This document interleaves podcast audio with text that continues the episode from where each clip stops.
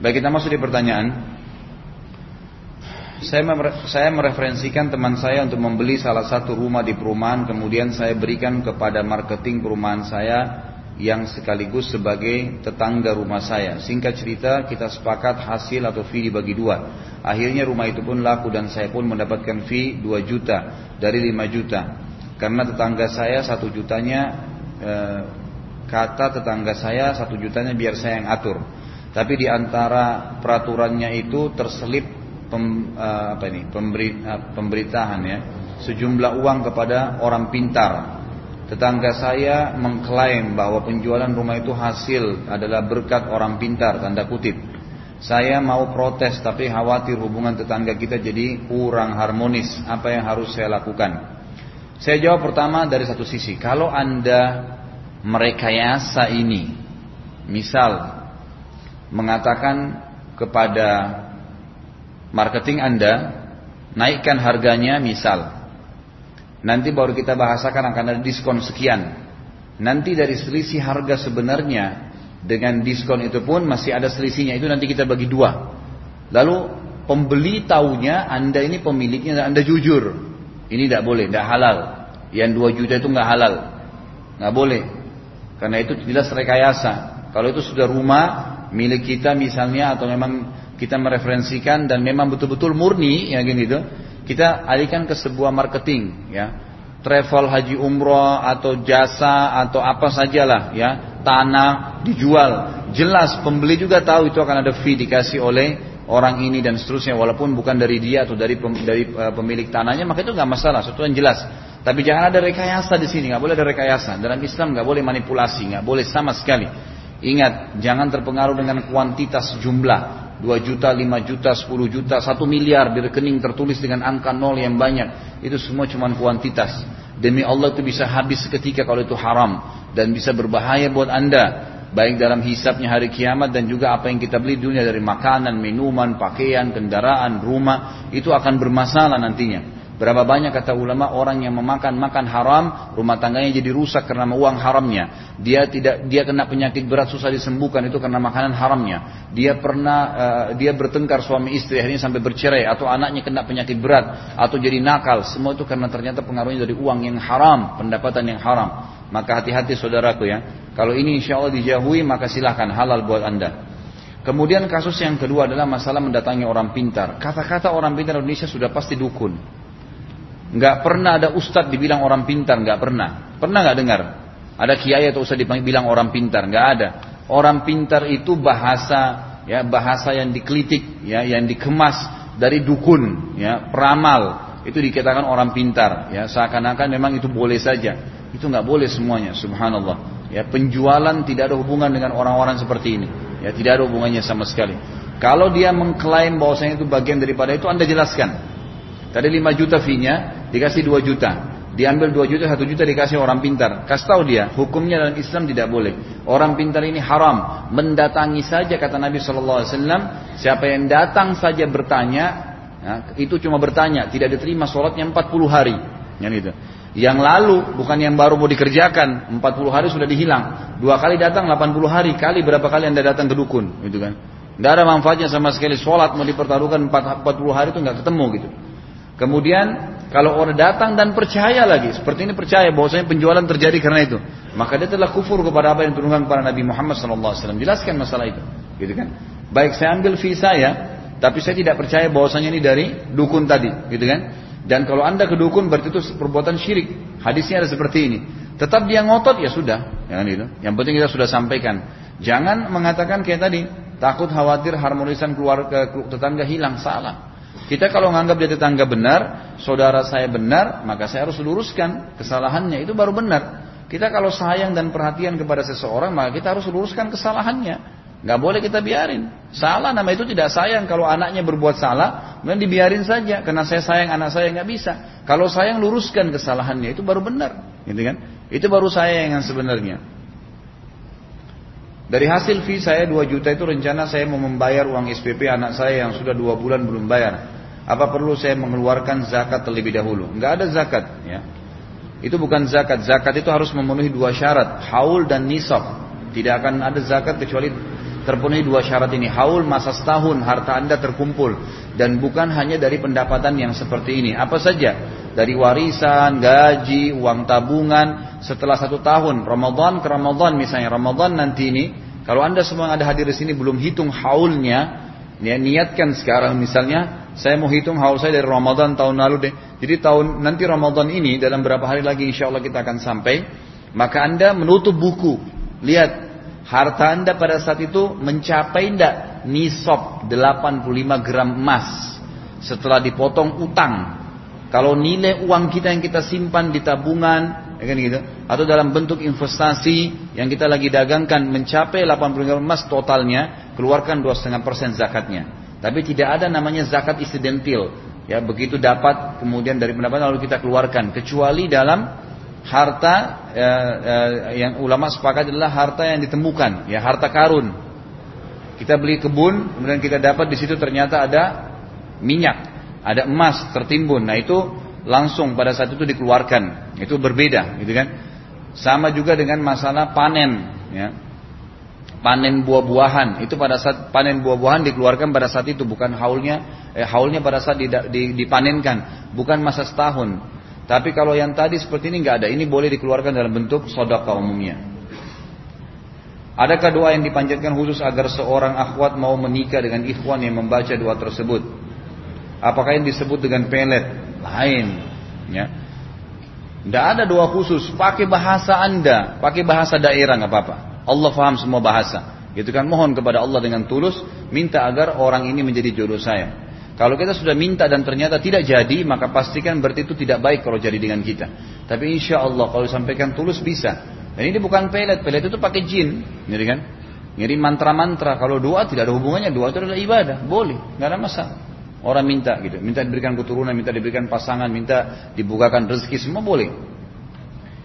Jika dalam wali, walimah rebana boleh digunakan sebagai penggiring lantunan pada khusus wanita untuk wanita, bagaimana kalau laki-laki untuk laki-laki? Bolehkah rebana dimainkan? Kira-kira saya tanya, pantas nggak laki-laki pegang gendang, pegang rebana? Nggak cocok, kan itu. Secara sosial kehidupan kita juga nggak cocok. Laki-laki pegang rebana terus goyang kayak perempuan nggak ketemu gitu.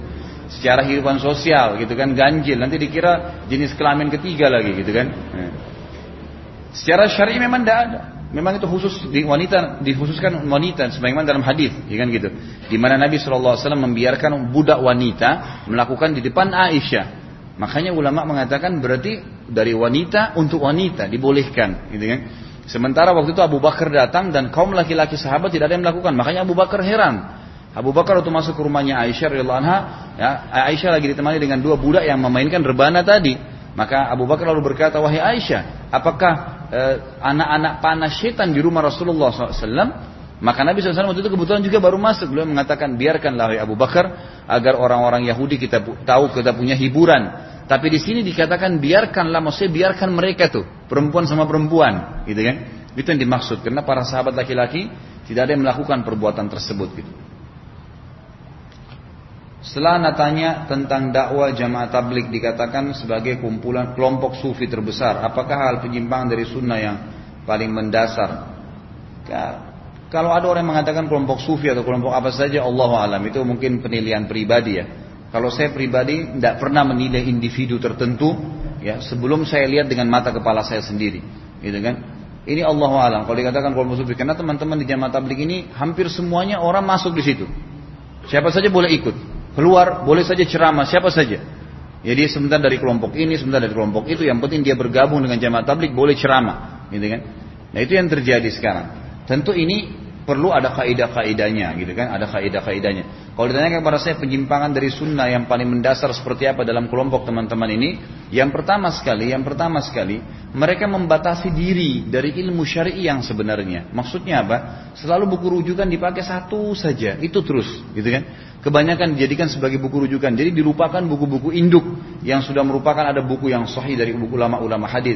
Dan dalam buku itu sudah dipelajari dan telusuri oleh para ulama hadis bahwasanya banyak hadis yang palsu, hadis-hadis yang dhaif yang tidak boleh dipakai. Jadi ini penyimpangan mestinya larinya ke buku-buku sunnah yang referensi utama gitu kan. Kalaupun ada di buku itu menjadikan rujukan, kemudian ada yang tidak benar, ada satu orang, dua orang yang coba pelajari buku itu kemudian dituliskan, ini kekeluarannya sebenarnya hadis sahihnya seperti jadi diluruskan gitu kan. Itu hal yang mendasar. Hal yang kedua, banyak teman-teman kita yang bergabung akhirnya meninggalkan kewajiban ya dengan mengatasnamakan dakwah, gitu kan. Sekarang ada orang meninggalkan kewajiban istrinya, kewajiban anaknya, gitu kan, kewajiban mencari nafkah dengan alasan harus berdakwah. Padahal syarat berdakwah harus berilmu. Nggak boleh sembarangan orang berdakwah itu, nggak bisa. Gitu kan. Semua orang boleh menyampaikan itu nggak boleh. Orang menyampaikan orang punya rujukan, memang sudah tahu. Kalau orang baru sadar kemarin dari mabuk kemudian dia ikut seminggu kemudian disuruh ngomong apa yang dia mau ngomongin sampai saya pernah temukan beberapa orang teman-teman kita yang mudah-mudahan Allah berikan hidayah, dia akhirnya menghafal dari temannya apa yang saya harus ceritakan ya. Untuk ceramah nanti malam gitu. Akhirnya dia ceramah, dia sampaikan ceramah, dia sendiri belum pernah amalkan, dia sendiri nggak tahu apa yang dia ucapkan itu. Nggak diamal, ini nggak boleh sembarangan. Dan kalau di, kalau dalam dalam di kalangan para sahabat saja itu mereka tidak ada yang berani menyampaikan apa pun kecuali sudah memastikan memang punya ilmunya. Itu kan dari Nabi Shallallahu Alaihi Wasallam baru mereka bicarakan, baru mereka sampaikan. Jadi ini harus punya ilmu ya baru bisa menyampaikan. Begitu pula dengan cara ya diamalkan terlebih dahulu yang pernah saya jelaskan Imam Malik rahimahullah beliau tidak menjelaskan tentang fadilah membebaskan budak kecuali setelah dua bulan ngumpulin dana ada murid yang bertanya, Imam apa hukum yang membebaskan budak? Fadilahnya apa? Beliau diam, nggak jawab. Dua bulan boleh beliau jawab. Setelah dua bulan beliau bilang, mana yang bertanya tentang fadilah membebaskan budak? Ada yang angkat tangan. Dia bilang, fadilahnya begini dan begitu. Muridnya tanya, wah imam, kenapa dua bulan baru dijawab? Kata Imam Malik, dua bulan ini saya kumpulin duit dulu. ya Supaya saya bisa bebasin budak, baru saya sampaikan kepada kamu. Kabura maqtan indallah yang taqulu ma la. Berat di sisi Allah mengucapin tanpa mengamalkan. Ini enggak. Banyak disampaikan di referensi dalam ceramah-ceramah yang saya, saya sendiri dapatkan soalnya. Saya waktu itu di Surabaya sempat, kalau saya ada di Surabaya, saya dipanggil sama teman-teman yang punya markas di di ikan e, gurami kalau tidak salah. Saya pernah di situ saya ceramah berapa kali. Itu setiap saya ada dipanggil. Karena kebetulan banyak pimpinan mereka dari orang e, Sulawesi Selatan yang mengenal saya. Saya katakan saya juga dari Makassar dan dipanggil ceramah gitu. Sering kali saya dengarkan itu. Ada penceramah yang datang, habis waktu datang tamu dari mana bicara. Sampai ada yang berani mengatakan, siapa yang bilang kita harus mengamalkan dulu baru mengajarkan. Loh subhanallah. Gitu kan. Ini Allah yang berfirman tadi. Yang jelas sekali. Berat di sisi Allah, berat hukumannya orang yang mengucapkan tanpa mengamalkan. nggak boleh. Tapi ini enggak gitu. Ini di antara penyimpangan yang mendasar gitu kan. Tapi kalau secara umum mau dikatakan itu semuanya salah, enggak. Saya enggak sepakat dengan itu. Allahu a'lam. Bagaimana cara yang baik mendakwakan teman dan saudara? Ini sudah saya tadi jelaskan ya. ya. Jadi kita menjelaskan tentang masalah program apa namanya?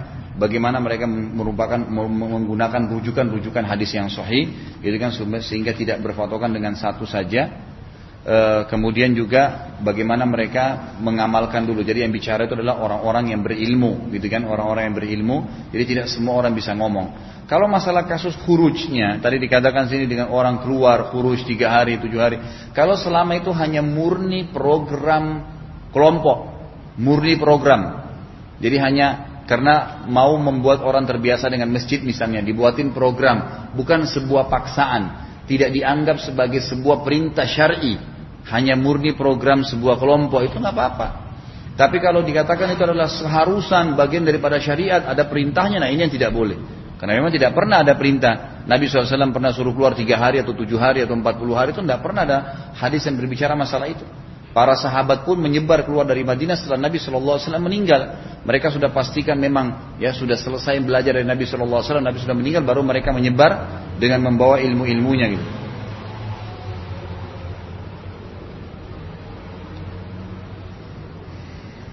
Apa yang dimaksud dengan si hijau dalam hadis jauhilah oleh kalian khadraul adim atau si hijau si kumbang kotor mohon penjelasannya ini Allah alam yang saya ketahui adalah wanita-wanita yang tidak benar ada hadis tentang larangan berpuasa sunnah pada pertengahan Syaban hingga satu atau dua hari menjelang Ramadan. Bagaimana dengan yang sudah terbiasa puasa sunnah, Yamul Bid, Senin Kamis dan puasa Daud? Apa boleh apa diperbolehkan?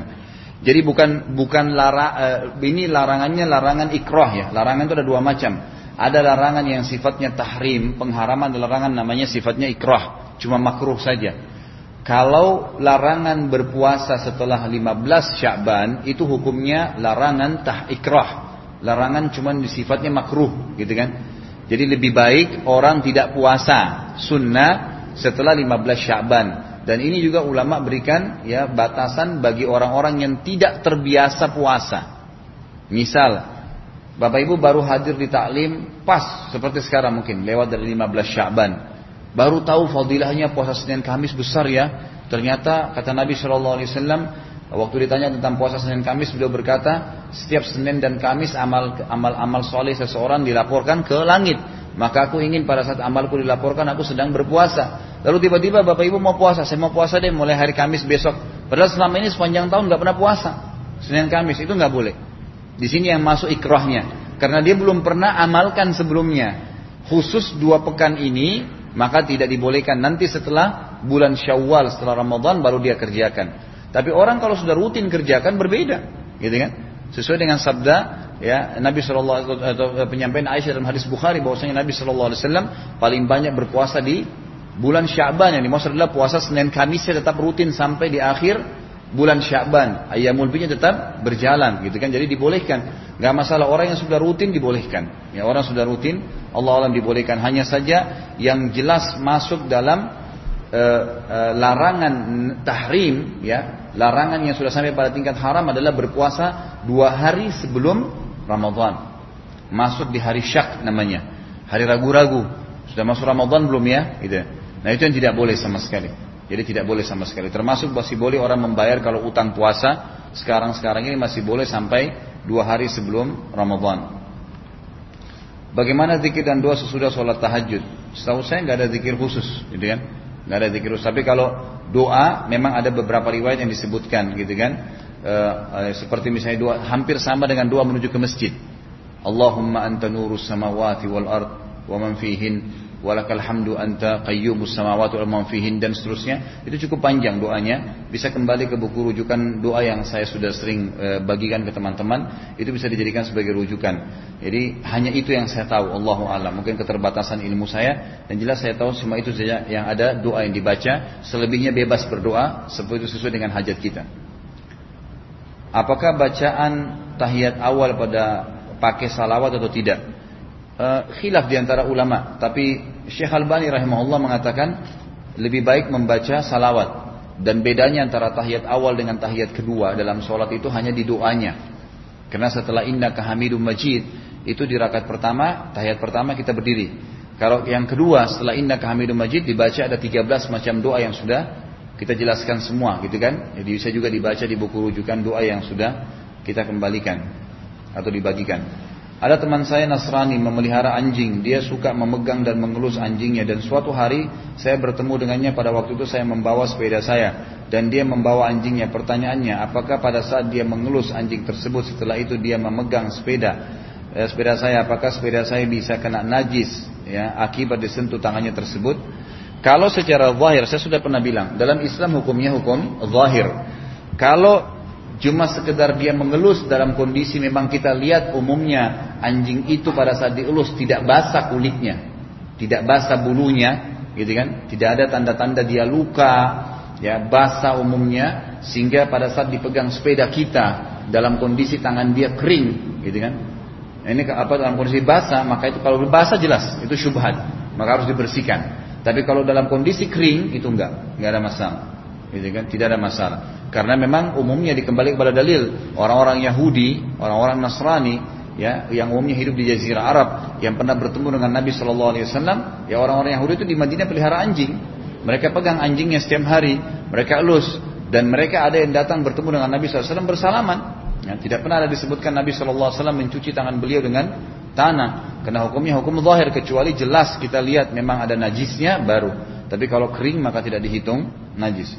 Bagaimana hukumnya bila seseorang laki muslim menikahi wanita Nasrani dengan beda keyakinan apabila dinikahkan dengan secara Islam? Apakah sah hukumnya? Sudah saya jelaskan sah kembali ke Al-Maidah ayat 5. Gitu kan kalau wanitanya ahli kitab ya.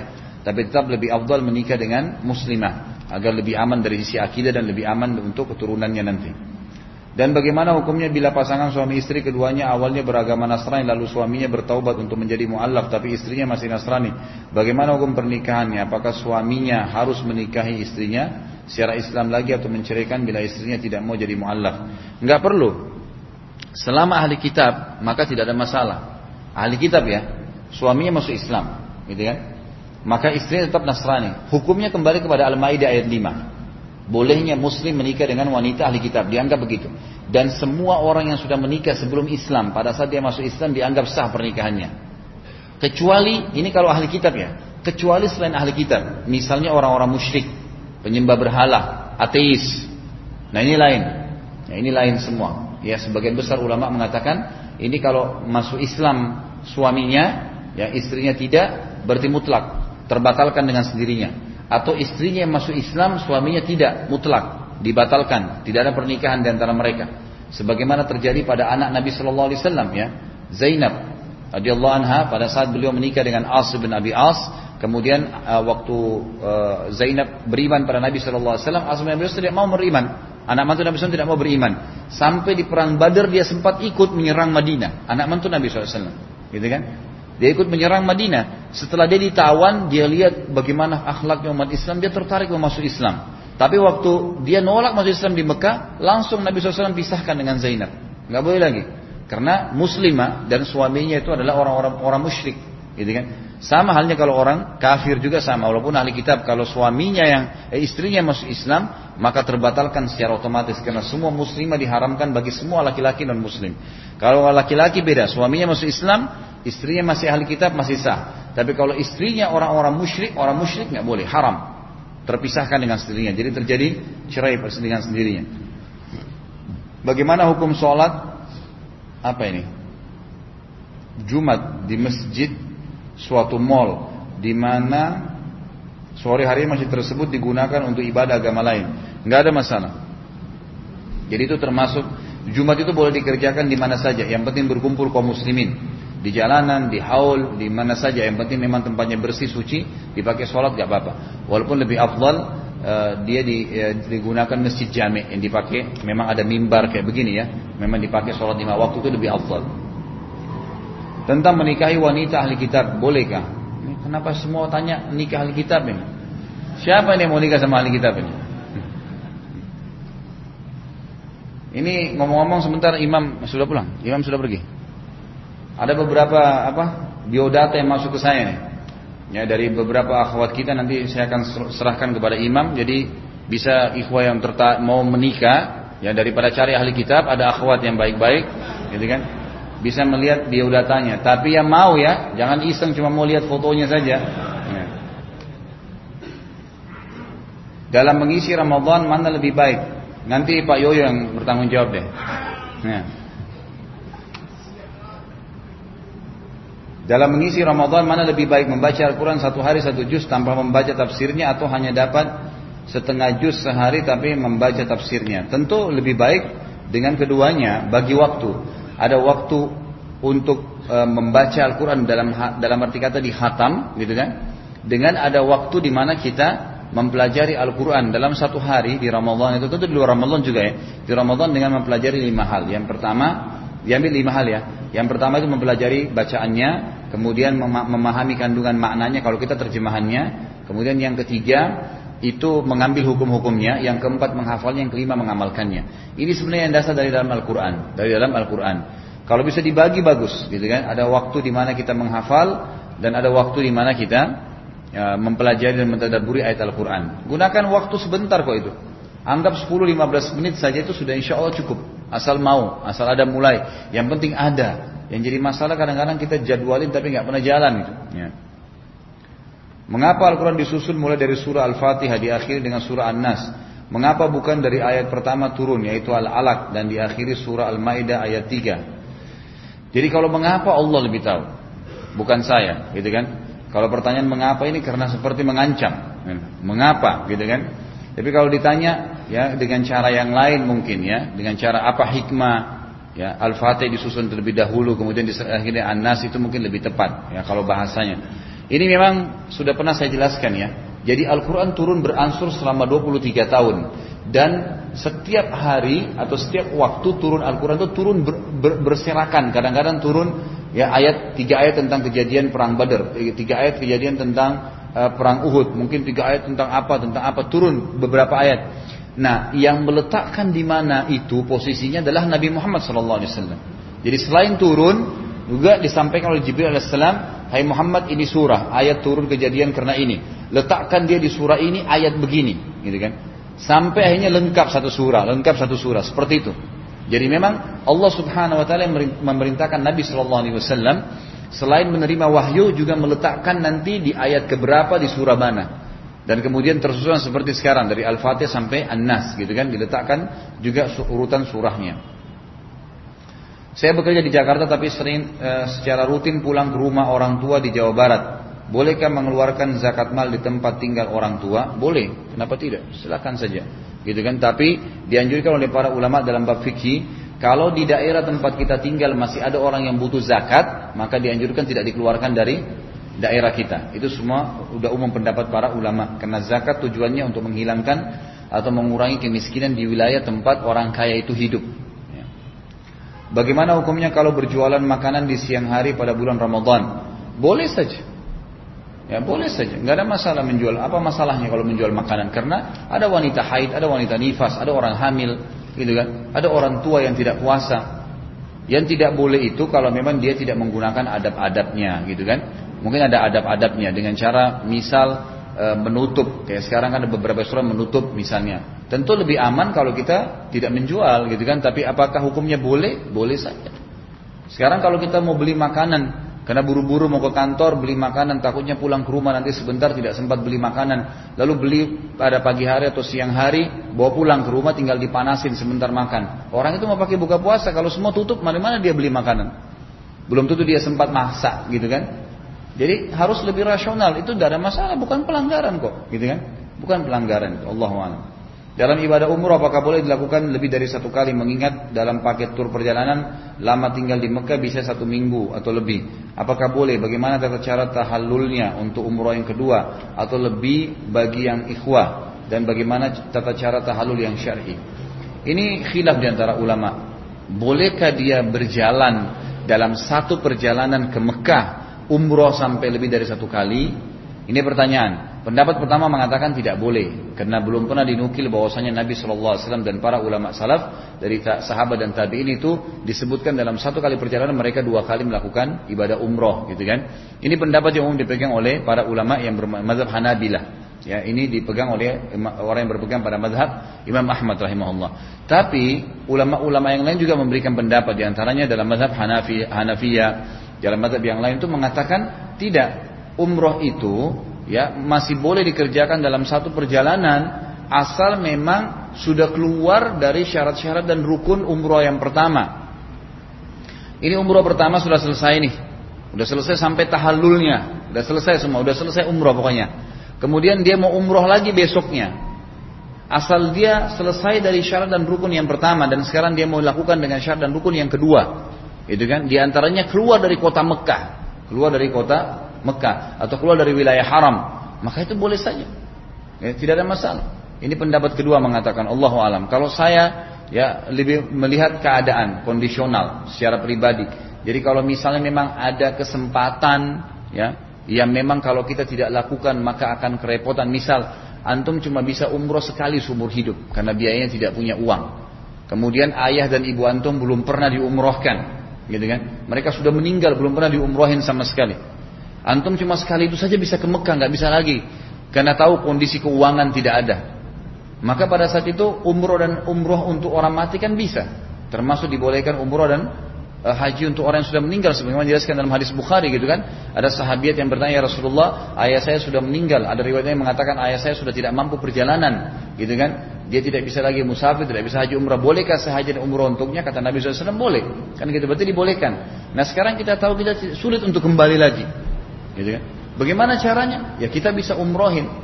Tapi kalau antum tahu, insya Allah nanti akan ada rezeki lagi, akan berangkat. Kemudian antum mau apa namanya dengan tenang ibadah sekarang, nanti insya Allah ya akan datang saya akan umrohkan untuk orang tua saya. Silahkan saja. Intinya ini masih terbuka karena ada khilaf di antara ulama, gitu kan? Yang pendapat kedua memang menjelaskan bahwasanya kalau dia memenuhi syaratnya selesai umroh pertama syarat selesai, umroh kedua dia penuh dengan syarat itu tidak ada masalah. Ya. Orang dari Madinah umroh ke Mekah, selesai umroh, ya kan gitu, dia keluar ke Jeddah, misalnya. Kemudian dia ingin masuk umroh lagi baru pulang ke Madinah, boleh kan? Boleh sih. Ya kan? Dia sudah keluar, syaratnya sudah keluar dari Mekah. Dia mau umroh lagi, baru dia mau kembali ke Madinah, dia nggak langsung kembali ke Madinah. Contoh rasional kecil saja. Sama halnya dengan orang dari Indonesia misalnya kan. Dia keluar dari sana karena sulit biayanya besar dan seterusnya. Maka itu pendapat kedua mengatakan ya Allah alam. Kalau cara tahalul yang benar laki-laki paling afdal mencukur seluruh ya rambutnya digundul ya digundul. Kemudian kalau yang itu itu namanya eh, apa namanya taksir. Eh, mohon maaf eh, apa namanya tahlik.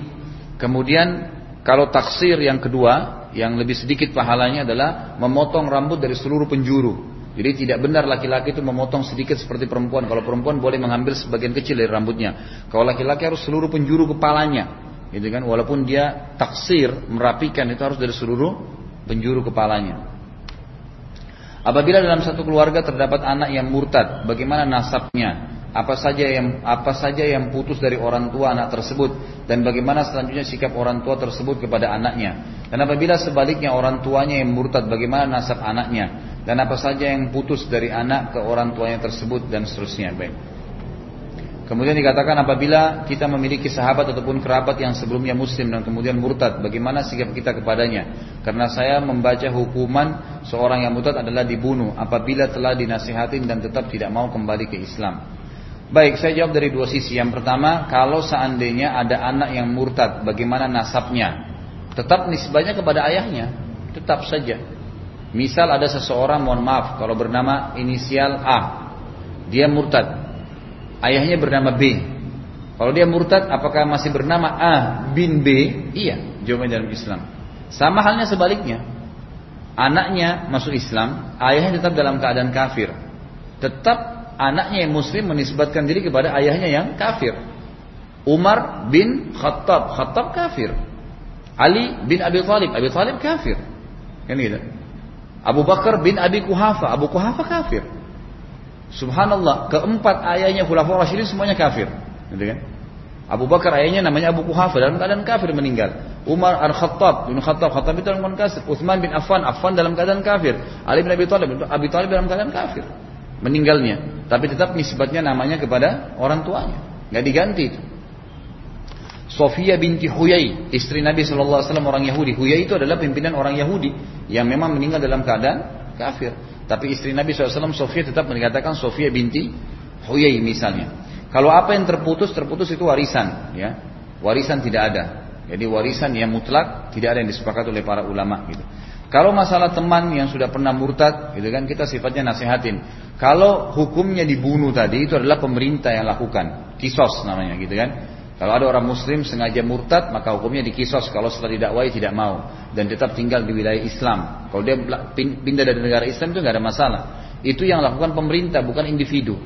Ya, kalau kita individu tetap kita dakwain, tetap kita doain, selebihnya urusan dia kepada Allah. Dalam kegiatan ibadah dan kegiatan sehari-hari banyak yang diwajibkan ataupun disunnahkan untuk menghadap kiblat. Yang ingin saya tanyakan, kenapa para ulama dan pemimpin Islam di dunia khususnya di Saudi tidak menetapkan Mekah atau Ka'bah sebagai pusat zona waktu untuk umat Islam Muslim seluruh dunia. Sehingga semua aktivitas terutama waktu ibadah umat Muslim berkiblat pada Mekah. Contoh kecil akan ada perubahan waktu sholat Jumat yang akan kita laksanakan di Indonesia pada hari Sabtu waktu uh, eh, GMT ini Eh, penetapan zona pada waktu pada saat ini. Juga ini menjadi solusi penetapan awal Ramadan untuk umat Islam. Ini sama juga ya. Kalau dikatakan mengapa saya nggak bisa jawab. Karena ini yang ditanyakan ulama semuanya. Saya tidak pernah bertemu dengan ulama semuanya, gitu kan? Dan sulit untuk mengumumi mereka semua. Tapi yang saya tahu, ya para ulama sudah, ya kita tahu kalau kita melihat perhitungan jam waktu itu sudah disiapin kan? Ada waktu umul kura. Ada itu. Di mana pun kita mau lihat kiblat, ya, lihat waktu sholat, ada waktu umul qura. Maka itu dijadikan rujukan. Kalau yang mau dijadikan rujukan silakan gitu. Karena selama ini kalau Saudi Arabia mengeluarkan fatwa, selalu diklaim mazhab Wahabi, selalu diklaim mazhab yang tidak benar, selalu memaksakan pendapat dan seterusnya. Akhirnya para ulama di Saudi mengambil kesimpulan, lebih baik kita katakan ini waktu umul qura. Ini keadaan Saudi seperti ini. Kerajaan Saudi sedang memperbaiki Masjid Haram, minta maaf kepada kaum muslimin. Ya begitu saja.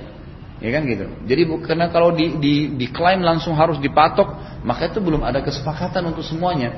Satu sisi, sisi yang lain, kalau waktu sholat tidak bisa memang agak sulit. Waktu sholat agak sulit karena memang waktunya berbeda. Indonesia sama Saudi beda jamnya, gitu kan? Ini tuh hikmah dari rahmat Allah Subhanahu Wa Taala. Masing-masing insya Allah sudah mengetahui dari tolak ukur hadis yang Nabi SAW sudah sampaikan.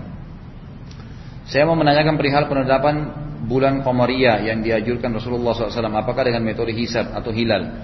Setahu saya semuanya hilal ya. Karena Nabi SAW sudah jelas mengatakan sumu li ru'yatihi wa aftiru li ru'yatihi fa in gumma alaikum fa atimmus siyam gitu kan?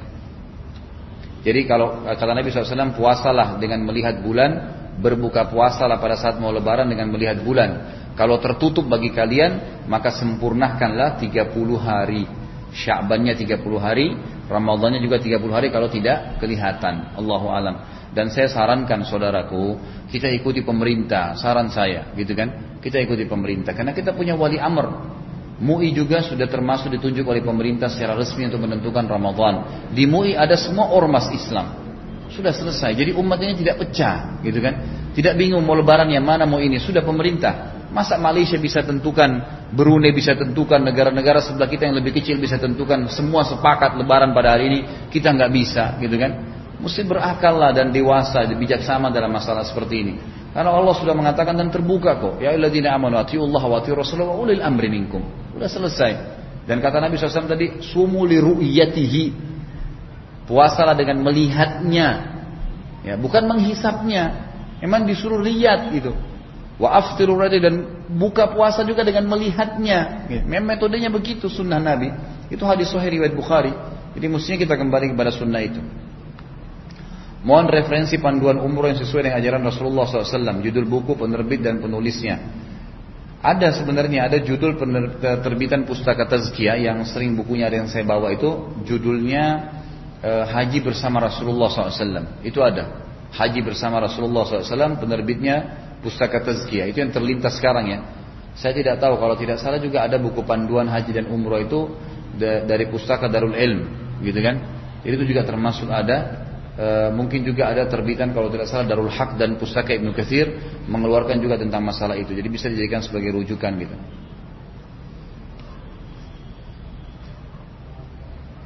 Cara menentukan Ramadan ini sudah sama ya.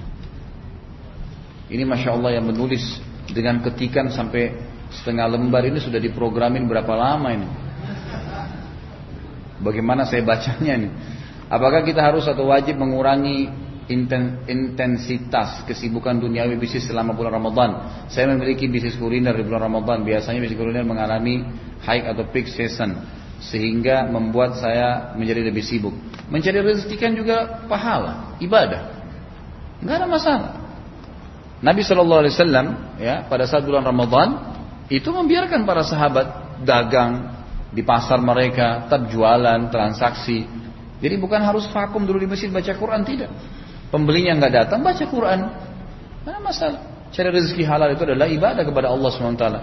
Ya, jadi memang agama ini yusur, agama ini mudah karena semua sisi bisa jadi pahala. Jadi nggak ada masalah itu insya Allah.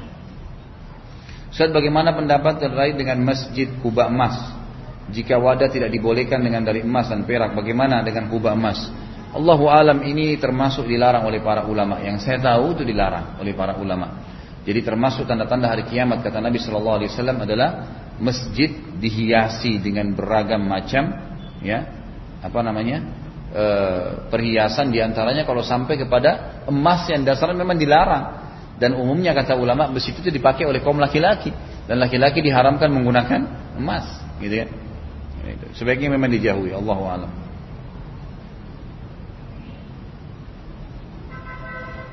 Ini apa ini? Ada iklan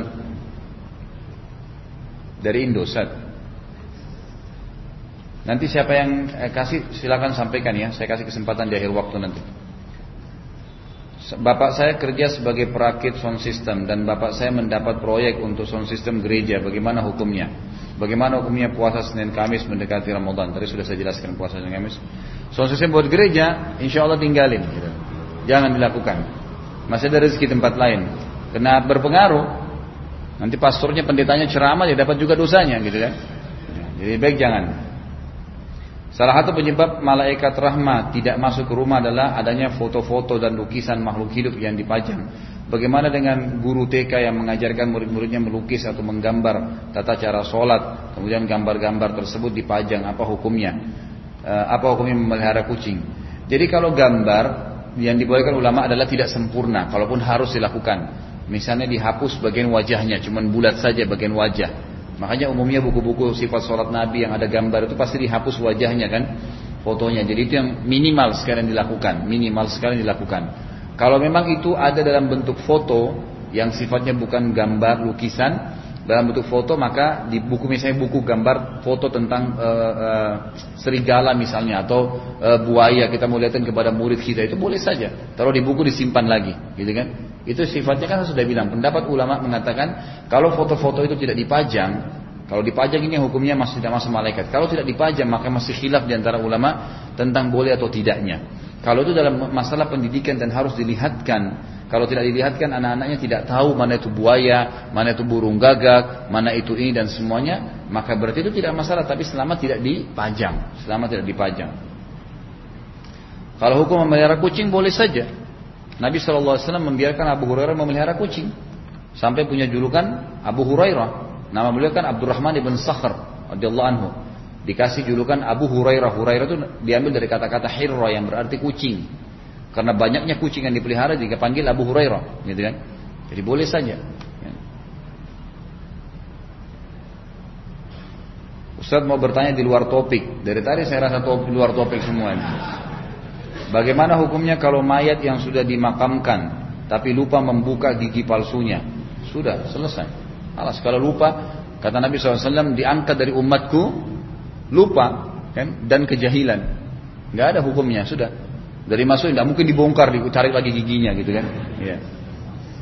bagaimana kalau gigi yang ditambal karena e, bolong dan tidak dibuka waktu meninggal gigi permanennya nggak ada masalah insya Allah gitu kan? Itu itu bukan hal yang yang yang dibolehkan oleh para ulama dicabut itu. Kalau yang memungkinkan yang memungkinkan memang tercabut gitu kan itu mungkin. Tapi kalau tidak, misal dia pakai tangan palsu, maka itu tidak mungkin dikubur bersama dia, karena gitu, dikeluarin itu mungkin.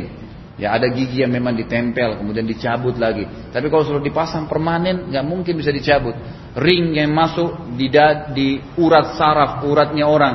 Sekarang supaya pembuluh darahnya jadi terbuka, gitu kan? Disilakan untuk masukkan ring supaya tidak tersumbat darah. Nggak mungkin dikeluarin. Bagaimana caranya? Nggak mungkin gitu. Ya.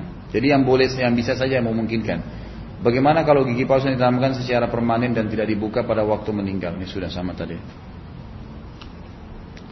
Ustaz mohon penjelasannya mengenai sholat tarawih dan tahajud. Bolehkah melaksanakan sholat tahajud sedangkan sudah melaksanakan sholat tarawih? Jadi pendapat pertama mengatakan ada dua pendapat ini masih khilaf di antara ulama. Ada yang mengatakan kalau sudah sholat tarawih tidak lagi tahajud karena sudah sama-sama sholat qiyamul lail, sudah sama-sama qiyamul lail, gitu kan?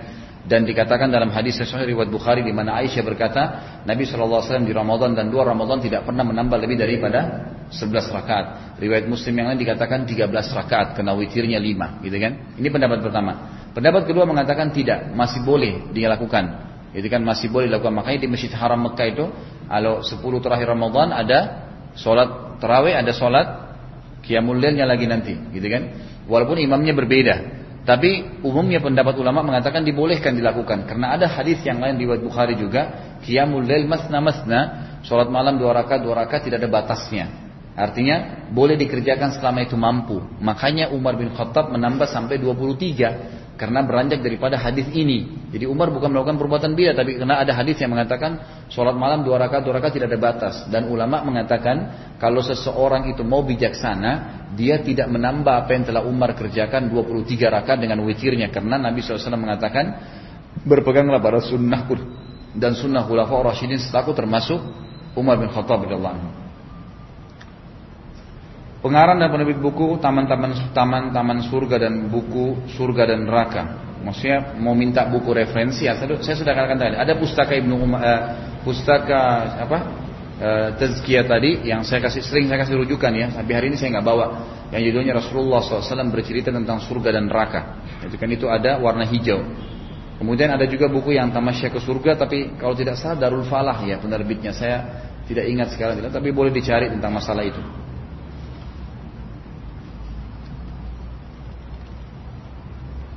Bagaimana hukumnya menikah dengan wali hakim karena kondisi orang tua yang tidak setuju disebabkan uh, faktor suku dan pendidikan yang tidak sesuai. Apakah pernikahan tersebut sah atau tidak? Jadi yang termasuk udur syar'i yang boleh ditarik kewalihan seorang ayah pindah ke wali hakim yang pertama adalah penolakan karena ya akhlak dan agamanya si calon laki-laki baik. Misal memang dia orang din, orang agama baik tapi ayahnya nolak karena dianggap tidak kaya misalnya. Ya.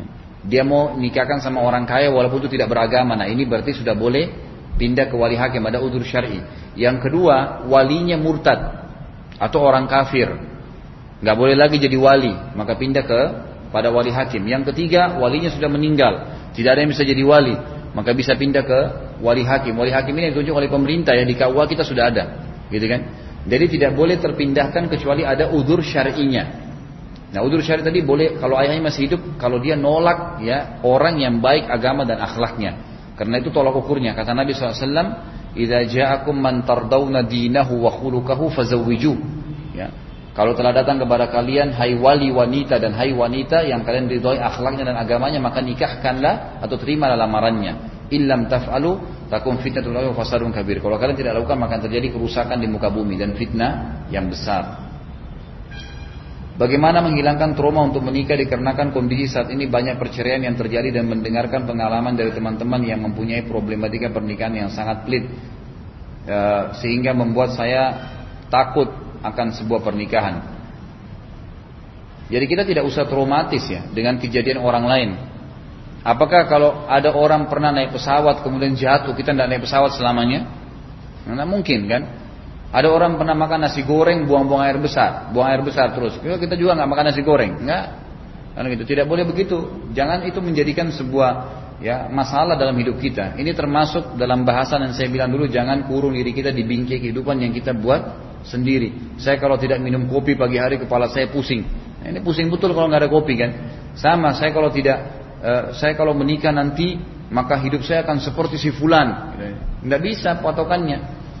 Hidup rumah tangga Allah sudah janji akan menjadi mawaddah, sakinah apa sakitan dan mawaddah, gitu kan? Itu jelas. Ya. Waja'alna apa? Dikatakan dalam Al-Qur'an ya, waja'ala bainakum mawaddah warahmah dan Allah menjadikan di antara kalian kasih sayang dan cinta. Itu akan terjadi kapan? Kalau kita menjalankan kewajiban kita ya secara syar'i yang Allah perintahkan. Suami apa kewajibannya? Satu, dua, tiga, empat, lima. Beri nafkah, lindungin, didik dan seterusnya maka kasih kepada istri karena Allah Subhanahu wa taala. Si istri juga begitu.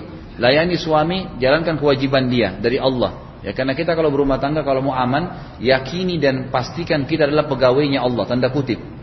Lakukan semua perintah karena Allah SWT kita akan dapat gajinya. Akan dikasih pahalanya oleh Allah SWT. Maka itu akan aman. Insya Allah ya bisa ditepis semua masalah-masalah yang tadi membuat traumatis itu. Makanya kita disuruh dahulukan agamanya pasangan. Agamanya calon istri, agamanya calon suami. Karena itu akan membuat kita terkontrol dan selamat dari masalah-masalah yang dihadapi ini. Bagaimana Rasulullah SAW melakukan amalan di bulan Syaban? Tidak ada amalan khusus. Belum pernah ada hadis sahih Nabi SAW melakukan khusus di bulan Syaban. Seperti banyak orang merayakan malam nisfu Syaban, membaca Yasin tiga kali, melakukan ini dan melakukan itu. Mari mana dalilnya ini? Tidak pernah ada hadis sahih menjelaskan masalah itu sama sekali. Dan anda kalau kembali ada buku menarik judulnya Amalan-amalan di bulan Hijriah. Itu tahu salah terbitan eh, Pustaka Darul Ilm. Coba dilihat buku itu, insya Allah akan dapatkan jawabannya gitu. Bagaimana di bulan Syaban itu hadis-hadis sahih yang mana dan mana hadis-hadis yang baik dan maudhu yang mana gitu. Apakah seseorang boleh meminta cerai atas suami disebabkan karena pengkhianatan atau selingkuh yang dilakukan oleh suami, berzina dengan wanita lain? Bagaimana Ustaz kondisi keluarga saya seperti ini? Apakah Eh, menerima uh, apa ini rujukan dari suami. Padahal saya belum juga bisa percaya jika suami saya sudah tidak mengulangi lagi atau lebih baik berpisah. Jadi sebenarnya salah satu indikasi terbukanya wanita boleh minta cerai kepada hakim atas suaminya kalau ada kemaksiatan. Itu boleh sebenarnya gitu kan, tapi kemaksiatan yang besar ya, seperti misalnya minum khamar, berzina, semuanya itu. Itu sudah terbuka, dia boleh mengajukan perceraian. Tapi didahulukan kata para ulama adalah menerima kalau si suami atau si istri tadi meminta maaf ya kemudian mau bertobat kepada Allah. Diberikan kesempatan. Kalau tidak mau maka nggak masalah terbuka variabel. Makanya kata Nabi SAW kepada seorang sahabat yang berkata ya Rasulullah istri saya tidak menolak jamahan e, tangan laki-laki lain sebagian ulama mengatakan istrinya sahabat ini suka supel sama laki-laki lain atau mengatakan memang pernah selingkuh sama laki-laki lain Terus apa kata Nabi SAW? Ceraikan dia. Udah, enggak, sudah terbuka variabelnya, ceraikan. Karena dia sudah berzina, gitu kan? Sudah melakukan dosa besar. Tapi apa kata sahabat ini? Ya Rasulullah, tapi aku mencintainya. Kata Nabi SAW, kalau gitu pertahankanlah sambil didakwai, gitu kan? Artinya memang ada opsi terbuka, tapi kalau mau dipertahankan jauh lebih baik. Apa hukumnya suami istri berjauhan disebabkan pekerjaan masing-masing? Mohon penjelasan. Terpisah antara pulau. Ya, kalau si suami yang kerja nggak masalah. Suami yang kerja karena memang kewajiban dia cari nafkah. Tapi kalau suami kerja, istri juga kerja dan istrinya terpisah, tugas kantor ke satu lokasi, makanya tidak boleh. Dia meninggalkan kewajibannya. Ya jelas tidak boleh. Bolehkah kita membaca surat atau ayat Al-Quran dalam sholat yang sedang kita hafalin? Sedangkan terkadang kita masih tersendat-sendat, ada yang masih salah ucap hafalannya. Boleh, Malah saya selalu anjurkan agar ayat Al-Quran tidak dilupa itu dipakai dalam sholat, diulangi dalam sholat. Kalau kita hafal misalnya, salah satu yang saya referensikan di bulan Ramadan adalah coba menghafal 10 ayat setiap hari. Kalau 10 ayat di Ramadan, insya Allah kalau tidak ada halangan selasa depan nanti saya akan bahas tentang dahsyatnya Ramadan dan mohon maaf teman-teman yang sudah hadir kemarin di Sunda Kelapa, saya terpaksa menyampaikan ke teman-teman sini karena mungkin masih ada yang belum pernah ikut, gitu kan? Jadi ada masalah dahsyat Ramadan di antaranya itu ada tema tentang ya 10 ayat per hari. Caranya hafal 10 ayat per hari. Kalau kita 10 ayat per hari dihafal dengan cara 10 kali diulangin, pernah saya ajarin. Cara yang pertama, kedua, ketiga itu dibaca sambil direkam dengan mata kita niat baca 10 ayat pilih surah mana 10 ayat rekam dengan mata jadi mata kita ini kamera tercanggih di dunia. Rekam ayat-ayat tersebut. Niat memang mau menghafal. Keluarkan suara dengan lisan, dengarkan ke kuping. E, bacaan pertama, kedua, ketiga dengan cara melihat. Keempat, ulangi dengan tidak melihat. Yang tadi tiga, tiga kali kita coba hafal. Yang kelima, enam, tujuh, ulangi dengan cara satu, dua, tiga tadi. Lihat kembali, rekam kembali dengan mata, rekam dengan kuping kembali. Kemudian delapan, sembilan, sepuluh, ulangi dengan tanpa melihat lagi. Insya Allah yang ke 10 sudah dihafal tuh 10 ayat. Kemudian ulangi ayat ini di sholat duha. Anggaplah kalau sholat subuh berjamaah misalnya dan sunatul fajr kan ada surah khusus ya. Ayat pertama al-kafirun, kedua al-ikhlas gitu kan. Baik subuh sholat berjamaah tidak bisa kita baca surah. Di duha sholat duhanya kita punya 8 rakaat sholat duha kalau mau dikerjain bisa. Bisa dua, bisa empat, bisa delapan kan. Kalau bilanglah dua rakaat misalnya kita sholat duha. Sepuluh ayat tadi yang kita hafal, lima ayat pertama baca di rakaat pertama, lima ayat kedua baca di rakaat kedua. Kemudian ada sholat qobliyah duhur, empat rakaat. Ini nih sepuluh ayat diulangi di empat rakaat. Kalau tiga ayat saja, itu berarti sudah dua belas ayat kalau empat rakaat gitu kan. Ulangi di sholat qobliyah duhur. Di dua rakaat sholat duhur pertama kita bisa baca surah. Empat rakaat sesudah duhur bisa baca surah. Ini sepuluh ayat saja diulang-ulangin nih. Qobliyah asar ada empat. Di sholat asar dua rakaat pertama bisa baca. Ada qobliyah maghrib kalau tahiyat masjidnya. Kemudian ada maghribnya, ya maghrib mesti tidak bisa karena tidak ada baca surah. Kemudian ba'diyah maghribnya ada dua rakaat. Ada qobliyah isya, kemudian e, ba'diyah isya, kemudian sholat tahajud. Sepuluh ayat. Kalau ini dibaca diulang-ulangi satu hari, insya Allah tidak akan terlupakan itu. Itu di antara caranya. Bisa diamalkan itu, bisa diamalkan. Maka itu sangat baik. Jadi dibaca dalam sholat itu bagus sekali, diperintahkan. Bolehkah kita menguap sampai bersuara? Bagaimana bila menguap dalam sholat? Ini dilarang oleh Nabi SAW. Dalam bahasa Arab namanya tasa'ub. Dalam hadisnya, dalam hadis riwayat Muslim kata Nabi SAW, "Idza tasa'a ahad, idza tasa'aba ahadukum falyadha yadahu fi fammihi." Kalau seseorang yang kalian menguap, maka letakkanlah tangannya di mulutnya, tutup tutup, gitu kan? Itu ditutup nanti akan aman dari sisi mengeluarkan udara atau e, bau yang tidak enak, Kemudian tadi mengeluarkan suara, biasanya mengeluarkan suara itu karena terlalu besar mulutnya dibuka, gitu kan? Maka dengan menahan, maka itu berarti tertahan, tidak jadi, tidak keluar bau yang tidak nyaman, pemandangannya juga tidak yang buruk juga hilang dengan cara kita menahan gitu kan. Apalagi dalam sholat. Kalau dalam sholat itu luar biasa. Kata Nabi SAW, kalau seseorang dari kalian dalam sholatnya dia tasawuf tadi, dia menguap, maka dia harus tahan sekuatnya. Karena kalau dia buka, syaitan akan masuk dan menguasai dirinya. Jadi tahan, gitu kan? Harus dihilangkan itu, dilawan. Apakah boleh seorang muslimah yang sedang mengalami uh, flek atau darah haid untuk sholat dan bolehkah untuk digauli oleh suaminya? Tidak boleh. Gak boleh sholat, gak boleh berhubungan biologis. Kalau meletakkan kemaluan di kemaluan, sholat juga mutlak tidak boleh. Sholat, puasa nggak boleh, sama menyentuh fisik Al-Quran. Ini yang tidak boleh mutlak bagi wanita haid dan nifas. Kalau digauli suaminya meletakkan kemaluan di kemaluan, hukumnya haram, nggak boleh. Ya, tapi kalau dia digauli dengan cara yang lain, selama bukan diletakkan di dubur maka dihalalkan. Apa fadilah dari malam nisfu Sya'ban? Jadi tidak ada. Apakah ada amalan khusus?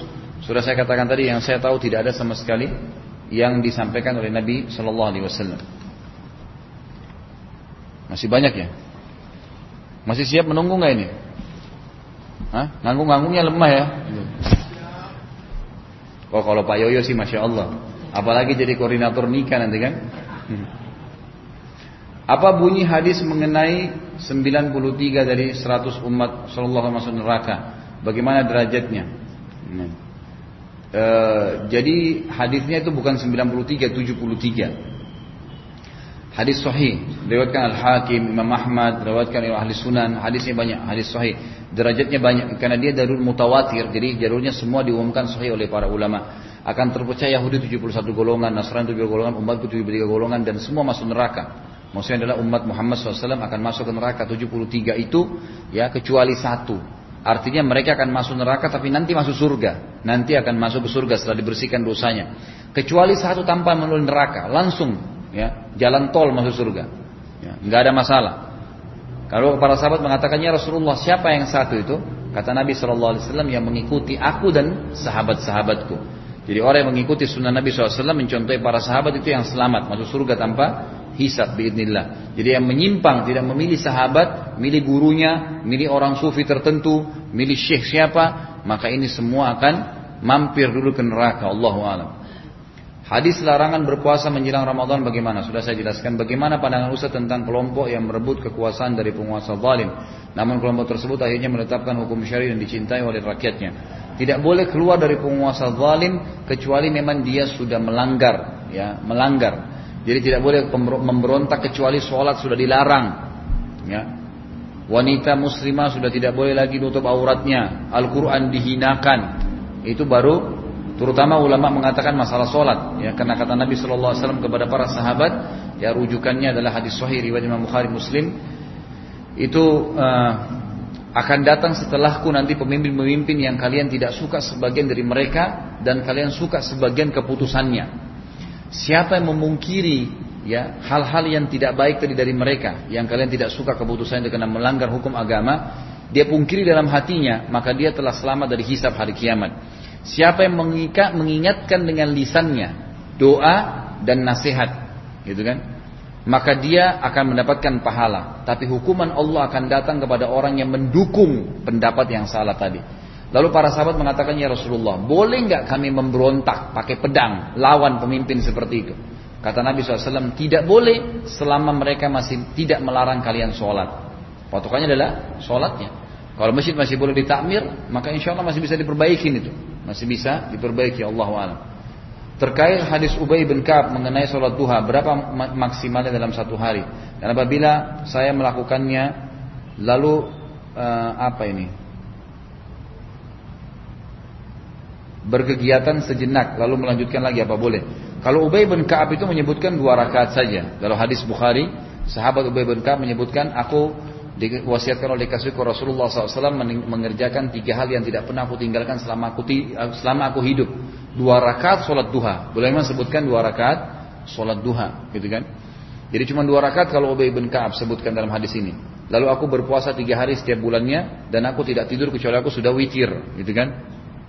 Kalau masalah hadis sholat duha empat rakaat, maka itu beda hadis kutsi, hadis sahih riwayat Bukhari, di mana Allah swt berfirman oleh Nabi SAW, uh, Hai anak Adam rukulah untukku empat ruku Maksudnya empat rakaat di awal pagi waktu duha Aku akan penuhi hajatmu pada hari itu Kalau delapan rakaat adalah hadis sahih riwayat Imam Muhammad di mana Nabi SAW pernah sholat duha di atas kendaraannya, di atas untanya itu delapan rakaat. Ini hadis-hadis yang dijadikan rujukan. Kalau dua belas rakaat Allah alam masih ditaifkan oleh umumnya ulama hadis. Dalam keluarga saya ada satu anggota keluarga yang bisa dibilang fasik, tidak sholat dan bermaksiat terus. Apakah seorang anak dimintai pertanggungjawaban di hadapan Allah nanti di akhirat bila ayahnya fasik tidak beribadah pada Allah? E, kalau dia tidak mungkiri, dia tidak meluruskan kesalahan itu akan ada pertanggungjawaban. Tapi kalau dia sudah ingkar mungkar, sudah ingatkan minimal sekali selesai. Karena ingkar mungkar yang wajib yang pertama, yang kedua sampai seterusnya itu adalah sunnah, adalah sunnah. Pak Ustadz jika saya ingin menikah Nikah kan ibadah Tapi ada orang tua salah satu pihak tidak setuju Sementara saya dan pasangan saya menjadi lebih baik Dalam cara berpasangan dan kehidupan sehari Bagaimana? Apa seharusnya dilakukan? Karena di satu sisi harus bakti dengan orang tua jadi usahakan semua pihak bisa ridho, bisa ridho ya dengan cara pertama berdoa kepada Allah Subhanahu Wa Taala. Kedua coba ambil hikmah-hikmah syariah. Ya. Kadang-kadang subhanallah Allah mau membatalkan sesuatu dari kita itu dengan hikmahnya. Wa asa an tuhibbu syai'an wa huwa syarrun lakum. Wa asa an takrihu wa khairun lakum. Bisa saja terbalik. Bisa saja kalian suka sesuatu tapi Allah batalkan, gitu kan? Karena itu buruk buat kalian. Atau bisa saja sebaliknya. Itu baik buat kalian tapi kalian benci. Tapi Allah SWT takdirkan, gitu kan? Jadi kita kembalikan kepada Allah. Kalau kita sudah berdoa, kita sudah berikhtiar, kemudian ternyata ada hambatan-hambatan, biasanya itu peringatan dari Allah agar kita tidak lanjutkan. Jangan hanya terbawa dengan rasa suka, gitu kan? Wajah itu, warna kulit, poster tubuh, variasi dunia. Nggak ada urusannya sebenarnya itu, itu cuma pelengkap. Sama tadi saya bilang makanan, ayam kuah, daging. Kalau kita dapat sempurna, alhamdulillah. Tapi kalau enggak, ya nggak ada masalah dunia sebentar, gitu kan? Kita akan lalui. Makanya kata Nabi SAW, siapa yang melihat sesuatu yang mengundang syahwatnya di luar rumahnya, maka sebagai dia kembali kepada pasangannya yang halal, karena dia memiliki apa yang dimiliki oleh orang itu. Maksudnya apa? Kemaluannya sama saja. Masalah postur tubuh warna kulit itu variasi saja, gitu kan? Seperti itu pemahamannya. Jadi jangan terpengaruh dengan kalau ada hambatan-hambatan Allah kasih, kemudian kita tidak muhasabah, tetap paksakan. Bisa saja itu peringatan dari Allah. Bagaimana bila ada orang yang mengajak berdebat untuk menghina Islam? Apakah kita berkewajiban untuk mendebat walaupun ilmu kita sedikit? Kalau anda tahu ada manfaatnya silahkan. Kalau tidak tinggalin aja, nggak perlu, nggak perlu, gitu kan? Saya kemarin melihat waktu ada ada seseorang uh, wanita muslimah di di Amerika di sekolah itu, dia coba mempertahankan, menjelaskan di sekolah dia di SMA. Saya lihat cuplikannya di salah satu teman dai kita juga itu yang panggil saya kemudian dilihatkan ini lihat bagaimana di Amerika orang-orang muslim dihina. Ada satu muslimah dari uh, orang Amerika rupanya dia pakai jilbab dia lagi bicara di kelasnya. Dia jelaskan bahwasanya Islam ini bukan teroris terus dihina-hina di kelasnya gitu. Waktu saya ditanya pendapat saya saya bilang untuk apa dia jelasin? Enggak perlu dijelasin di kelas. Enggak ada manfaatnya kecuali kalau memang dasarnya mereka mau tahu tentang Islam. Tapi kalau kita datang tiba-tiba mau jadi pahlawan jelasin enggak enggak kena efeknya maka lebih tidak baik. Ternyata betul dia dihina-hina dicaci maki, kamu kembali, tinggal saja di Arab Saudi, kamu tinggal di negara Islam, jangan tinggal di sini, dihina-hina, di situ ada cuplikannya gitu. Maka itu kan jadi efek tidak baik. Jadi kita lihat keadaan ya. Kalau memang dalam mendebati dia ada manfaatnya, memang dia mau cari tahu kebenaran silakan. Tapi kalau hanya untuk ribut untuk apa? Tinggalin selesai. Sudah dari tadi sejam lebih kita jelasin tidak bolehnya berdebat, tinggalkan saja. Bagaimana cara mempelajari Islam yang baik? Haruskah Islam dipelajari e, dengan sistematis? Iya, jelas. Islam tidak bisa, tidak bisa kita belajar Islam itu dengan otodidak saja. Cuman buku kita baca selesai saya paham nggak bisa. Ya para sahabat belajar dari Nabi SAW langsung, belajar, nanya, dengar. Para sahabat juga punya murid-murid tabiin. Tabiin itu selain nulis juga nanya, terus belajar. Begitu terus turun temurun sampai sekarang. Apa yang antum lakukan sekarang hadir di majelis ilmu belajar itu yang dilakukan. Jadi dinukil. Saya yakin kalau buku ini saudaraku anda baca sendiri tidak akan dapat seperti tadi kalau kita bahas. Coba buka tadi hadis yang kita tuh, yang kita bahas tentang bejana. Mungkin kita baca sepintas di rumah oh tentang ini saja. Tapi apakah serinci tadi yang saya jelaskan? Mungkin tidak, gitu kan? Jadi memang beda. Islam harus dengan memang belajar sistematis, memang harus. Gak bisa enggak. Apakah sama pahalanya orang yang sholat di masjid dan sholat di musola, kantor, tetapi tetap sholat berjamaah setelah azan? Apakah sama e, pahalanya orang yang sholat di masjid dengan sholat di musola kantor, tapi tetap sholat berjamaah setelah azan? Iya, sama aja. Selama memang itu musola diniatkan memang sudah untuk sholat berjamaah, sama aja. Hukumnya hukum masjid insya Allah. Innama kata Nabi SAW, Innama ju'ila li masjidan, Innama ju'ila li arda masjidan wa tahura. Sudah dijadikan bagiku semua bumi ini masjid dan suci. Kalau sudah diniatin nih, misalnya antum punya sebidang tanah, rumah 300 meter, 100 meter antum sudah niat ini untuk musuh untuk sholat deh, terus dibangunin rumah-rumah kayu saja. Sudah hukum masjid kah? Hukum masjid. Sudah dapat istana di surga, kan gitu. Sudah boleh sholat berjamaah di situ. Udah boleh itikaf, kan gitu. Hukumnya memang begitu. Kecuali kalau tadi yang sifatnya seperti cuma hall saja, lapangan dipakai sementara Jumat, nah itu lain. Itu lain, itu itu beda, beda hukumnya. Apakah besar? Apakah benar agama Samawiyah dan Ardi? Ardi itu is, apa itu? E, apakah agama Samawiyah? Apa ini? Maaf ya saya tidak tahu dan Ardi itu Islam. Baik, ketika sholat berjamaah ketika baca doa tahiyat pertama si makmum belum selesai membacanya tapi si imam sudah takbir pertanyaan si makmum terus membacanya atau langsung ikut takbir. Ketika baca doa tahiyat pertama langsung ikut imam kalau imamnya sudah bergerak ya jadi pernah saya jelasin kalau uh, Allah alam pendapat yang paling kuat mengatakan kalau seandainya kita sedang berjamaah sama imam kalau imamnya belum pindah ke ke ke eh, apa rukun atau gerakan dua gerakan. Jadi misal gini, kita lagi tahiyat. Kemudian imamnya sudah berdiri Allahu akbar gitu kan. Kita masih selesaikan tahiyatnya, masih boleh kah? Masih boleh. Selama dia belum pindah ke ruku.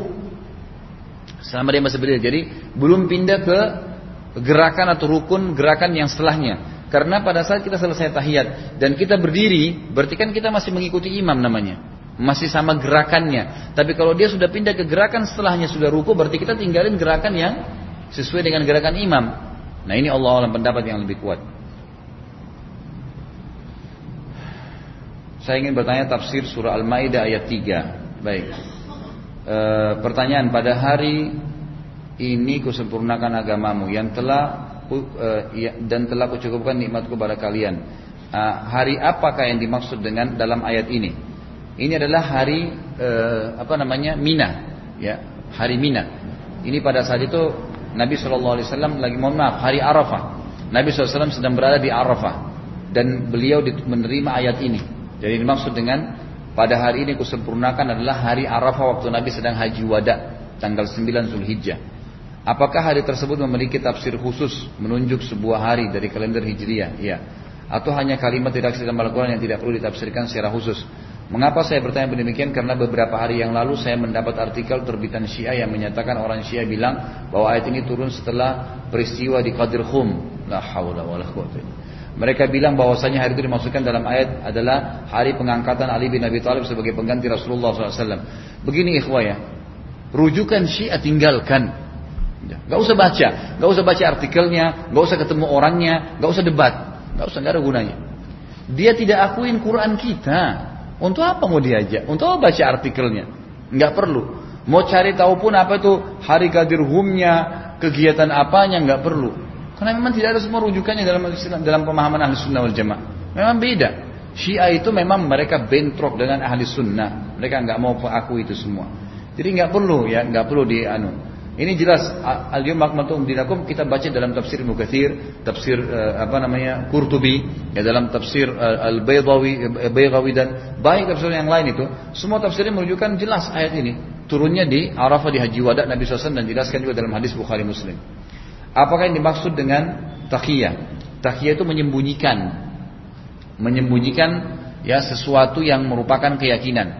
Kalau dalam pemahaman ahli sunnah itu ada takiyah digunakan kalau seseorang misalnya muslim nih ketangkap oleh musuh atau kita masuk menyelinap ke dalam satu atau contoh lebih jelas gini keadaan uh, uh, sahabat yang bernama uh, Ammar bin Yasir radhiyallahu anhu Beliau waktu ayahnya Yasir dan ibunya Sumayyah dibunuh oleh Abu Jahal, kan beliau masih 9 tahun. Terus dipukulin sama Abu Jahal, terus dipukulin, digebukin. Sampai berdarah-darah badannya. Dia bilang kata Abu Jahal, saya tidak mau bunuh kau, saya akan siram sampai kau mati. Jadi dia kesakitan, kecuali kau e, meninggalkan agamanya Muhammad. Maka dia bilang, iya saya sudah tinggalkan agamanya Muhammad. Jadi dia mengucapkan apa? Kalimat kufur ya. Saya sudah tinggalkan. Karena kalau orang bilang, naudzubillah, saya tinggalkan agama ini. Berarti dia sudah keluar dari agama itu. Kan itu. Jadi tidak boleh. Dia bilang, iya saya tinggalkan agama Muhammad. Berarti dia sudah keluar semestinya. Kalau secara hukum, udah keluar. Dia harus mulai lagi dengan syahadat baru kan gitu. Tapi dia ucapkan karena dia kesakitan, gitu kan? Lalu Abu Jahal bilang, saya tidak mau percaya apa yang kau ucapkan sampai ada unta lewat. Dia bilang, kau bilang unta ini Tuhanku. Maka Ammar dan mengatakan, iya, unta ini Tuhanku, gitu kan? Udah selesai. Abu Jahal lepasin, dia datang kepada Rasulullah SAW sambil nangis, ya Rasulullah, ibu saya Sumayyah, ayah saya Ammar dibunuh, eh, eh dibunuh, apa Yasir dibunuh oleh Abu Jahal, dan lalu saya diperintahkan begini dan begitu. Kata Nabi SAW apa? Wahai Ammar, kalau besok kau ditangkap lagi oleh Abu Jahal, dia lakukan hal yang sama, disuruh ucapkan yang sama, lakukanlah. Turunlah firman Allah Subhanahu Wa Taala, illa man ukriya wa qalbu mutmainnun bil iman. Jadi itu tidak masuk dalam kufur kalau orang itu sebenarnya hatinya penuh dengan iman tapi terpaksa diucapin. Ini bab takiyah dalam Islam, gitu kan? Antum lagi perang ditangkap oleh uh, orang-orang kafir lalu akan dibunuh kecuali mengatakan tidak saya keluar dari Islam misalnya. Dia ucapin hanya karena tidak takut supaya tidak dibunuh itu namanya takiyah, dibolehkan. Tapi hati antum tidak mau itu sebenarnya. Kalau takiyah orang Syiah lain lagi, karena ini pertanyaan orang Syiah tadi. Lain lagi, takiyah itu mereka menyembunyikan keyakinan-keyakinan mereka masalah mengkafirkan sahabat, masalah Quran kurang, masalah Jibril berkhianat, itu semua disembunyikan sampai antum jadi pengikutnya dulu baru di, baru diungkapin. Ini tidak benar. Apa hukumnya mengkonsumsi BBM bersusu di bagi yang mampu, gitu kan? Tergantung pemerintah izinkan nggak? Kalau pemerintah izinkan nggak masalah. Tapi kalau pemerintah mengatakan tidak boleh, ya jangan. Karena masuk dalam taat wali amr. Ketika saya sedang sholat di kamar, kemudian orang tua saya tidak tahu bahwa saya sedang sholat. Memanggil nama saya berkali-kali. Saya Lalu saya membatalkan sholat dan menjawab panggilan orang tua saya dan saya katakan bahwa saya, saya mau sholat, memberitahukan kalau saya akan sholat. Kemudian saat itu juga saya mengulangi sholat saya hingga selesai. Apakah saya berdosa? Kalau sholat, jadi begini, kalau ketemu antara haknya Allah wajib dengan haknya makhluk wajib, maka dahulukan haknya Allah. Misal, kita sholat, yang kalau dikerjakan sholat wajib ya, lagi sholat wajib nih, sholat duhur, sholat asar, sholat wajib. Misalnya seorang akhwat sholat di rumah, kemudian ibunya panggil, jawab ibu kan juga wajib ya. Tapi ini wajib haknya Allah, ini wajib haknya makhluk. Maka dihulukan haknya Allah. Tapi kalau ketemu haknya Allah yang sifatnya sunnah dengan haknya makhluk yang wajib, maka dahulukan haknya makhluk. Misal, masalah sholat juga sama. Ubah, tadi sholat wajib, sekarang sholat sunnah. Lagi sholat duha misalnya, dipanggil sama ibu, batalin sholatnya. Wajib jawab, jawab ibunya. Gitu kan? Karena memang ini menjawabnya wajib. Gitu kan? Sama istri lagi sholat sunnah, maka suaminya panggil, dia wajib batalin. Karena memang panggilannya dijawab wajib dari, dari sisi syar'i dan ini sunnah dari sisi syar'i. Kan gitu. Jadi ini pemahamannya. Jadi kalau tadi sholatnya sholat wajib, maka tidak boleh dibatalin. Ini kalau tidak tahu sebelumnya, insya Allah Allah sudah maafin ya. Tinggal tobat kepada Allah, jangan diulangi lagi. Tapi kalau sholat sunnah, maka boleh di eh, apa namanya diulangi. Apa nama apa dibatalkan. Bagi yang terakhir bagaimana hukum memelihara jenggot? Apakah ada perselisihan dalam masalah ini? Ini sudah sering kita jelasin ya. Jenggot adalah perintah Nabi Shallallahu Alaihi Wasallam gitu kan? Kenapa kalau berjenggot ada apa? Kenapa? Oh orang bilang begini itu kan kata orang persepsi dia. Biarin aja dia ngomong. Kan itu nggak ada masalah Kenapa saya sudah kasih contoh tuh hari? Orang yang pakai jas, kenapa dia percaya diri? Persepsinya jas itu keren. Kalau dia pakai baju koko, kalau dia bilang tidak keren, dia tidak mau pakai. Persepsi saja kan gitu. Kenapa memang kalau orang berjenggot ada masalah apa? Aisyah mengatakan tidak ada perbedaan antara laki-laki dan perempuan kecuali di jenggotnya karena kumis ada perempuan yang berkumis gitu kan. Dan sunnah Nabi SAW kata Nabi SAW peliharalah jenggot, kata Nabi SAW peliharalah jenggot biarin gitu kan. Dan cukurlah kumis kalian. Berbedalah dengan orang-orang kafir. Orang-orang kafir kan berbeda kumisnya ditumpukin. Gitu kan? Kita enggak. Memang begitu sunnah Nabi SAW. Bagaimana jika mencukur jenggot karena ada udur, misalnya interview, khawatir jenggot,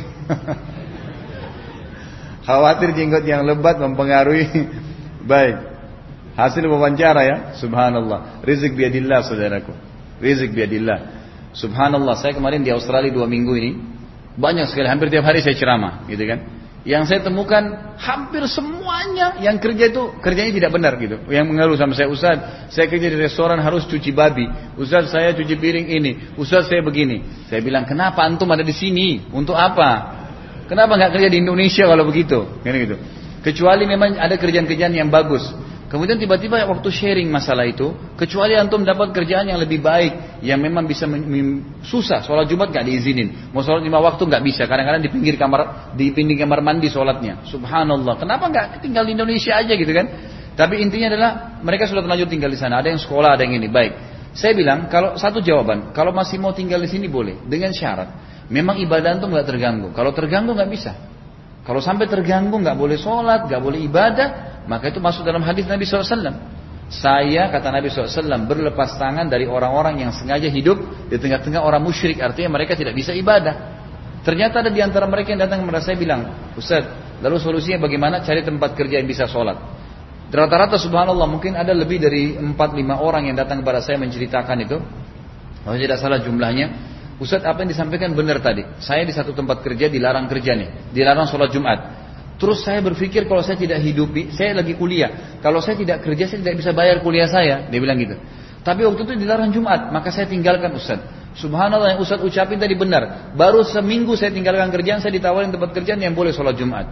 Terjadi, yang meninggalkan sesuatu karena Allah, Allah akan gantikan yang lebih baik.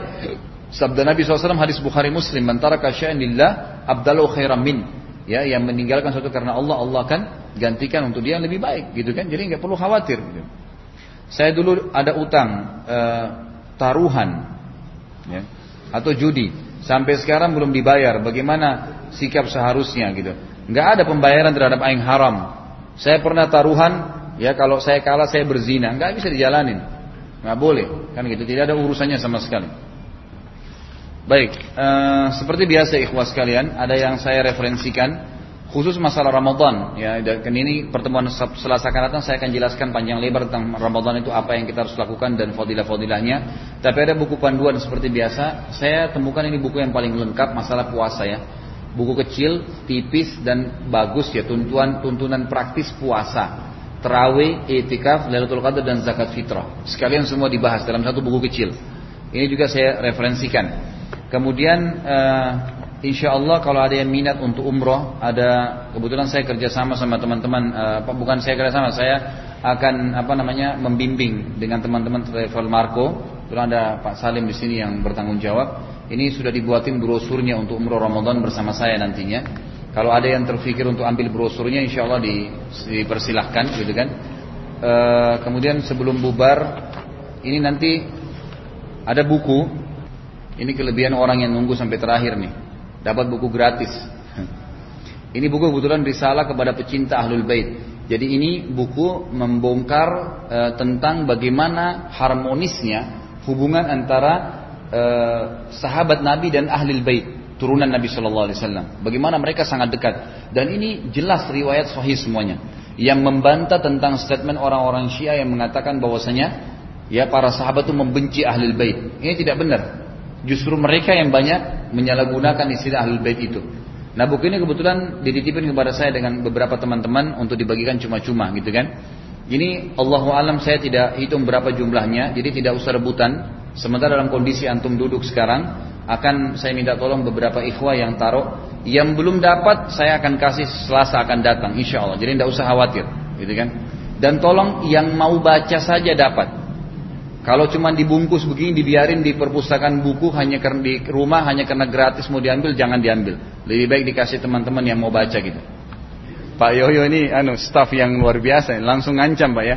Mau baca nggak itu? Ibu-ibu tenang dapat dapat nggak usah khawatir. Insya Allah masih ada.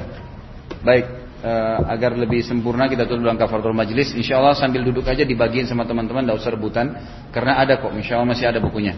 Subhanakallahumma bihamdika asyhadu an la ilaha illallah astaghfirullah wa atubu. Wassalamualaikum warahmatullahi wabarakatuh.